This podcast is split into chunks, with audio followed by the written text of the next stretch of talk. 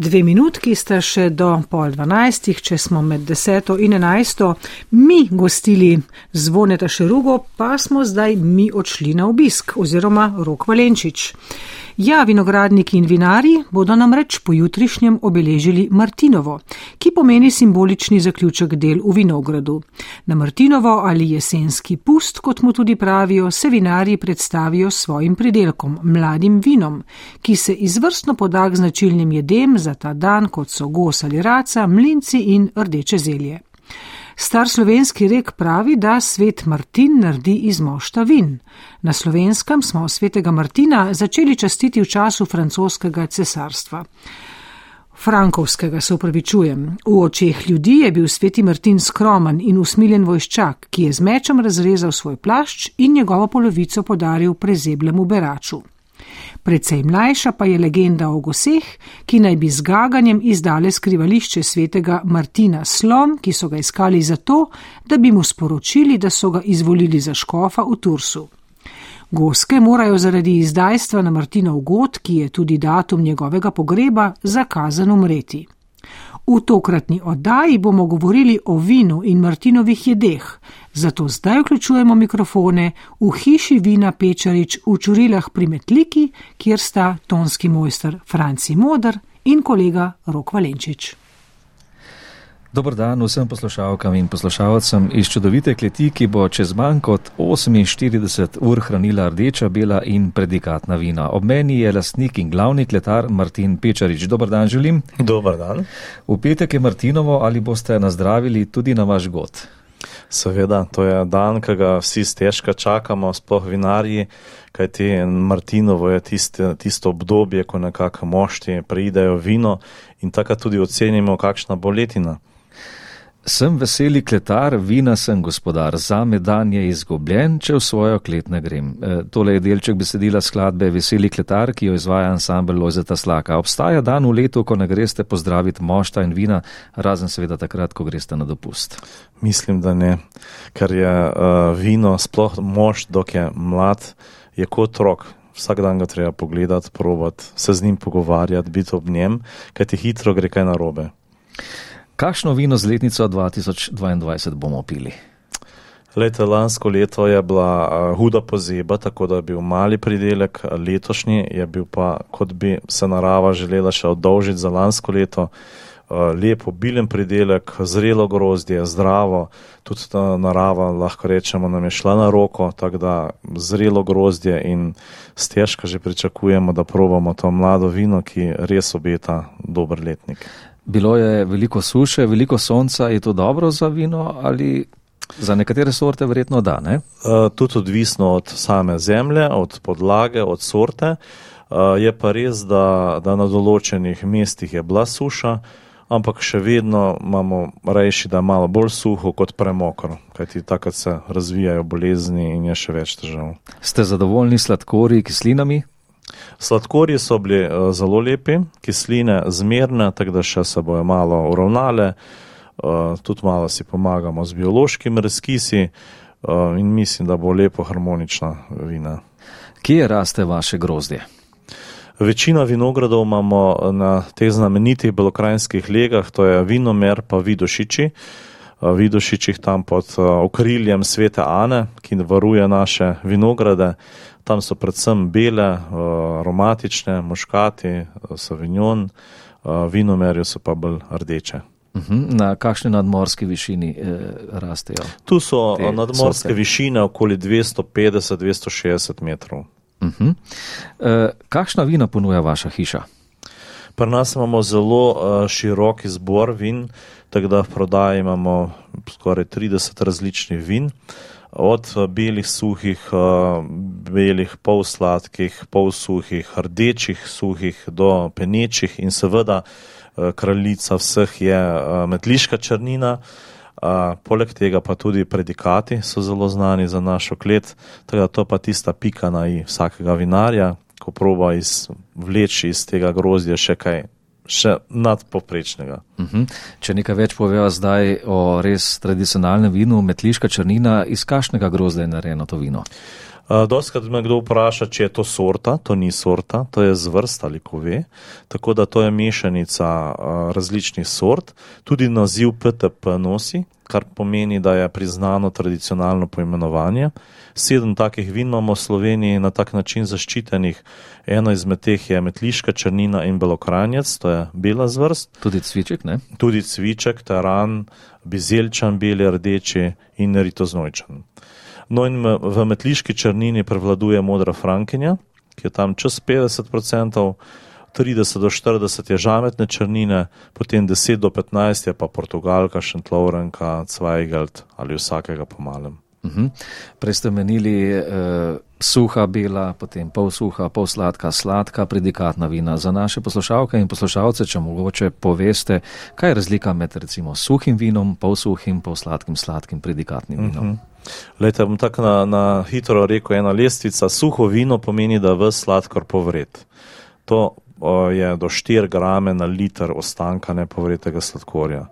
Pol suho je od 4 do 12 gramov, od 12 do 50 je pol sladko in sladka vina so, imajo, sebujejo nad 50 gramov sladkorja v enem litru.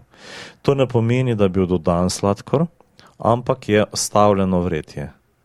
Eh, fermentacija, ko fermentira, se potem mošt ohladi, ga ohladimo na 5-6 stopinj in uh, s tem se kvasovke umirijo, na to pretočimo, zažveplamo in ostane ta nepovreti sladkor. Kako pa uh, umetno zaustavite uh, alkoholno vrenje, se pravi, da uh, ne preide v sladkor v alkohol? Včasih se to delalo z žveplom, danes se tega izogibamo, tako da eh, imamo hladilne naprave, ohladimo mošt, tako da ga čist eh, na 4 stopinje, 5 stopinj ohladimo, s tem se kvasovke omrtvičijo in lepo pretočimo in šele na to se zažvepla. Tako da veliko žvepla se zdaj zmanjšalo, ne uporablja se več toliko, kar to žveplo se nalaga vinu. To recimo počnete s CO2, kako? da ohladimo. Da. Uh, klima hladi uh, hladilno tekočino in pol se to lepo ohladi, uh, notri so taka hladilna rebra. Dobremu vinu se prileže tudi lepa etiketa. Vaše so prav posebne. Kaj predstavljajo? No, mi smo kar nekaj etiket zamenjali, nismo bili zadovoljni, no zdaj smo pa prišli do enega oblikovalca, ki je res začutil to potrebo našo in želje tako da je vzel detalj iz belokrajinske pisanice, Bela krajina poznana po teh posebnih pisanicah in en detaljček iz tega je vzel za naše etikete in ta znak se vleče skozi vso linijo vseh etiket. Uhum. Ali ste pred praznikom vinarjem, eh, vinarjev na mesto čepa na sodu položili jabolko za lišči? Eh, ponekod ga na Martinovo presekajo in če sadež ni gnil, potem je vino dobro. Uh, slišal sem že za ta običaj, vendar v beli krajini to ni, uh, ni, no, ni prisotno. Uh, tukaj imamo druge običaje. Recimo, Recimo uh, pridajo uh, sosedje, sorodniki na predvečer, uh, obiščajo klet in pol se vsak sod uh, dobi svojega skrbnika ali botra, na sod se napiše ime. Uh, vina ne? in ta botr ima potem uh, to vlogo, da mora skrbeti za to vino, da ga mora večkrat priti probat. Pač uh, poleg letarja tudi on skrbi za to vino in uh, ga spremlja skozi celo leto. Tudi vi imate v petek god, ne, ja. Martini praznujete. Uh, na predvečer godu, pa saj na dolenskem je tako, ne, grejo uh, slavljencu trkat. Je tudi mhm. v Beli krajini tako. Tudi, tudi se takrat, ko se pride uh, teblat, rečemo prnas, ne? potem se gre v klet in se proba to mlado vino, mladi mošt. Uh, in uh, tudi, kot sem že prej rekel, se imena gor napišajo za botre določi. Uh mhm. -huh. Ste mošt že pretočili in če, zakaj je potreben ta postopek? Lejte, v vinu, oziroma v mladem vinu, treba to kar spremljati, ga skozi, če kak vonj se pojavi, včasih tudi bekser, reduktivni vonji, treba takoj pretočiti. Tako da eni mošti so bili že dvakrat, trikrat pretočeni in treba skozi skrbeti, da se te osedline odstranijo. Kajti na dnu uh, soda ali pa cisterne začnejo te kvasovke razpadati in hitro vratajo kakšne neželjeni vonji in tega se moramo znebiti. Koliko vina bo v sodih in cisternah z letnico 2022? Uh, mislim, da v naši kleti bo tam okoli 40 tisoč litrov, uh, kar je kar lep pridelek. Uhum, recimo 2 litra na trto. Ne? Koliko trsov vinske trte imate zasajenih? Tam okoli 25 tisoč trsov. Pridelate več belih ali rdečih sort grozdja? Uh, Pri nas, uh, ker se ta moda skozi malo menja, ne, enkrat so bila rdeča, enkrat bolj bela, popularna, ne, smo zdaj prišli na razmerje 50-50%, tako da skozi eno aktualno. Uh, čeprav zaradi degustacij, ki jih prirejamo, moramo imeti širok izbor vin uh, in da se za vsako okus kaj najde. No, vi ste po poklicu sicer inženir agronomije, uh, izdelujete pa tudi peneča vina. Kaj lahko poveste o tem? No, penine so pa zadnji čas kar aktualne. Prve smo napolnili že leta 2006 uh, in skozi povečujemo pridelavo penin. Pred leti je bilo to nekaj prestižnega, da si pil penino, danes je na speničarju že veliko več, tako da uh, mislim, da že čez 200 samo v Sloveniji. Tako da ta kultura uživanja penine se kar širi. Ne pije se penina samo za novo leto, ampak so ljubitelji, ki vsakodnevno pijejo penino. Tako da pri nas smo poimenovali linijo penin Rosalija, pet različnih penin, polnimo pod tem imenom, od bele suhe, bele polsuhe, roze polsuhe, do črne suhe iz modre frankinje.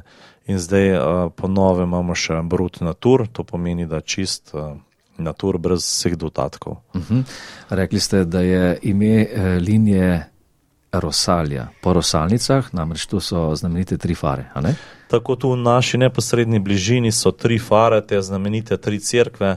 In ena izmed legend pravi, da so bile tukaj, je bil samostan okoli in v enem obdobju so bile tu notri ženske. Ne? In takrat, ko je bila mati prednica, ta glavna nuna, ena Rosalija, je bila zelo gospodarna, zelo napredna, veliko naredila za ta kraj in tudi za tri fare. In ker je bila tako mogočna, naj bi se celo ta sosednja vas imenovala po njej, Rosalnice. Mhm. Seveda, to je legenda, ki lahko je resnična, lahko ni, ampak nam je bilo všeč in smo jo uporabili za ime naših penin. Kakšna vina danes išče in okuša zahteven uporabnik? So to biodinamična vina, posebna bela in rdeča vina z manj alkohola?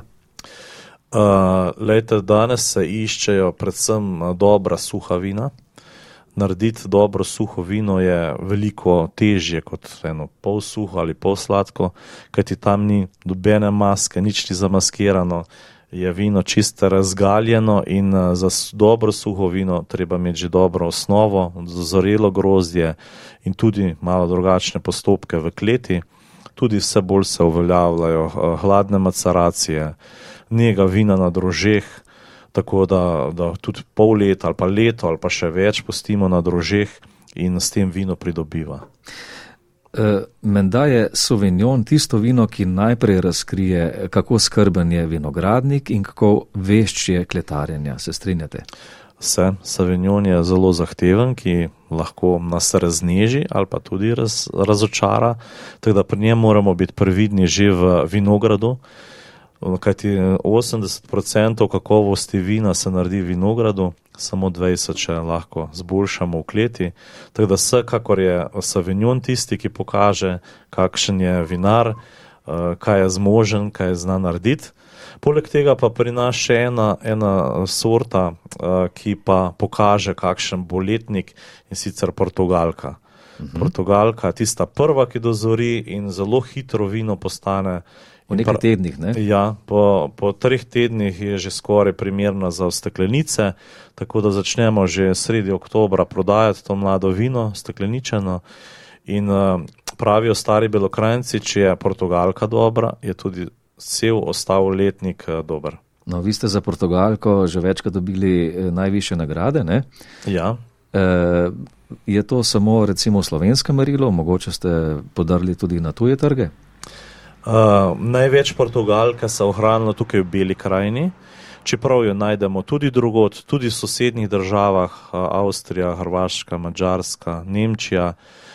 In odkrili so pred nekaj leti, da je to prav slovenska avtohtona sorta, naj bi nastala v okolici slovenskih konic ampak tu v Beli krajini se je največ ohranilo, tako da probamo tudi zgodbo zdaj narediti s to Portugalko. Imamo celo festival Portugalke, uh, kjer izbirajo obiskovalci najboljšo Portugalko in strokovna komisija. No in eh, letos je spet naša zmagala, tako da. Smo zadovoljni. Čestitke. E, kako bi opisali to vino tiste, za tiste, ki ga ne poznajo? To je tipično mlado vino. Mogoče, če povem, eh, v svetu je najbolj poznan Božole. Eh, mnogi, ki so probali že Portugalko, prisegajo, da je Portugalka boljša kot je, kot je Božole. In je mlado sadno vino, lahkotno, pitno, nima visokih alkoholov, tam okoli 11,5%, eh, žive rubinaste barve in posebej paša v teh jesenskih dobrotah, pečenem kostanju pečeni martinovi rački, uh, mlincih uh, in pečenicah, vino, ja. za Martinovo Tako. pojedino. E, roke so najbrž glavno vinogradnikovo urodje v vinogradu. Kolikokrat ste obrali listje, da so sončni žarki ujeli grozne jagode? Mislim, da gremo skozi vsaka trta, uh, nas vsaj desetkrat ročno, uh, ročno obiščemo, pa še, pa še strojno gremo doska čez. Tako da pravijo, da trta najboljša uspeva v senci gospodarja. Kaj to pomeni? Ne? Več, ko si noter, več, ko si ob njej, boljša se bo počutila in boljši pridelek bo dala. Pravijo, da ima pravi vinogradnik od sonca ožgan vrat in hrbet. Koliko krat se je to zgodilo vam? Uh, veliko krat. Poleti mi eh, si ne želimo morja, ne, ne gremo na dopust na morje, ker imamo vročina že eh, preveč vinogradov, tako da iščemo bolj kakšne senčne kraje. Vinari še nimate državnega praznika, bi ga imeli in če kdaj? Ja, pobuda je že bila, da bi uh, Martinovo postal praznik, uh, tako da vem, da tudi vinski red, evropski red vitezov vina se zauzema za to upam, da jim bo uspelo in da dobimo tudi praznik. Res je. Tako zdaj gremo spet v hišo vina Pečarič, rok Valenčič, lepo zdrav še enkrat. Ja, lepo zdrav z mano pa je Polona Pečarič, ki skrbi tudi za Martinove dobrote. Dobr dan tudi vam. Dobr dan. Kaj boste pripravili na vinski praznik? Seveda to, kar se spodobi. Raca, rdeče zelje, mlinci, najbrž tudi goveja juha zraven, -hmm. Slive, obvezno slive. Ja? Uh mhm. -huh. To je običaj tukaj v Beli krajini. E, ja, v bistvu to je že moja uh, tašča, reče mama delala in jaz sem pač po njej povzela in mislim tudi zelo lepo paše zraven. Pač, uh, Se dobrodošli, vedem te slive prenamočimo v Portugalko, tako da niso tako silno slivaste in se kar lepo polojamejo in z vinom in zračko. Uh mhm, -huh. Kaj imate raje, pečeno gos ali raco? Raco. Zakaj? To vam pa ne vem povedati, preprosto imamo raco. Se na mizi znajde tudi druga perutnina? Ja, za praznike uh, pura kakšna, drugače pa redno, največkrat pa kar kokoš domača. Pravijo, da je ena raca za enega preveč, za dva pa premalo. Oh, pri nas, nas je kar nekaj za mizo, skoraj devet vsak dan, tako da uh, mora kar biti kar velika žival, da nas, da nas uh, nasiti. Tako da uh, uh, ena bi bila res premalo, no, račka. Kaj imajo jedci najraje? Vsak ima svoj okus in pač gospodinja tista, ki mora poskrbeti za vsakega nekaj na mizo, se bo, česar se bo res razveselil. Uh mhm. -huh. Koliko časa porabite za pripravo Martinovih dobrot? Mogoče pol ure več kot za ostala kosila. Tako, nič posebnega, preprosto uh, veš, koliko potrebuje rad, da se speče, potem se skupaj. Tako da Uh, ja, pa če se pa odločimo za kakšno sladico ali pa da rečemo še potico, spečemo orehovo, tam pa reže potem rečeš rabnici v dopoldan, da to naredim. Aha. Pri vas je vedno veliko ljudi, veliko gostov. Uh, ja, tudi. Uh, pač družina, taki smo, nas je devet v hiši, potem tudi obiski pridejo, gostje, tako da kar je. Sami pečete tudi kruh in belokransko pogačo? Ja, vedno. Vedno. Vedno, ja. Um, zelo redko, redko se zgodi, da kupimo kruh, tako da um, kar precej sem že pogač spekla, se več sploh ne štejemo, koliko precej. Če je prsna kost Martinove gosi rjava ali recimo race rjava, bo ziva, zima menda zelo mrzla, če pa je bela, bo veliko snega. Kaj mislite, kakšno bo letošnja napoved? Oh, večer se o tem doma pogovarjamo, da letošnjo leto je tako pestro uh, vreme, da se lahko prav zgodi, da bo zima, prava zima, tudi uh, mrzla, no? če že zadnje leta ni bila. Mogoče se pa tudi to zgodi letos. Na Martinovo so včasih po gosti na mizah puščali obilo hrane in pijače za duhove prednikov, ki so se na ta dan vračali na zemljo. Za Belo krajino je menda značilno, da so v zidanici na mizi pustili majoliko vina in kozarce za verne duše. Bo tako tudi pri vas? Ne, mi te navade nimamo. Uh, vsekakor, če pa kaj slučajno ostane teračke, pa je zelo dobrodošlo za zajtrk naslednji dan v hiši, tako da kdo prvi pride, prvi melje. Vi ste po poklicu sicer profesorica slovenskega jezika. Zakaj ste se uh, odločili, da boste ostali doma? Ena gospa mi je enkrat rekla, da gotovo to je strasti do družine. In bolj kot tem razmišljam, bolj, bolj to tako vidim. Preprosto z možem sva prišla na razpotje, ko se bilo treba odločiti. In on je potreboval neko pomoč doma, družina bila že dosti velika. In uh, je bilo najlažje, da jaz ostanem doma, tako si lažje razporemo čas za otroke, za družinske obveznosti in za seveda delo v kleti in vinogradu. Lepo, gospod Martin, belokranski vinari, kot so Šturem, Dolc, Šuklje, Škov, Prus, Kordič, vinska klet Metlika in seveda tudi hiša vina Pečarič, so po krivici zapostavljeni, saj ste kljub številnim nagradam še vedno premalo poznani doma in po svetu. Razmišljate mogoče o tesnejšem povezovanju za nastope na tujih trgih in doma? Domačih, seveda.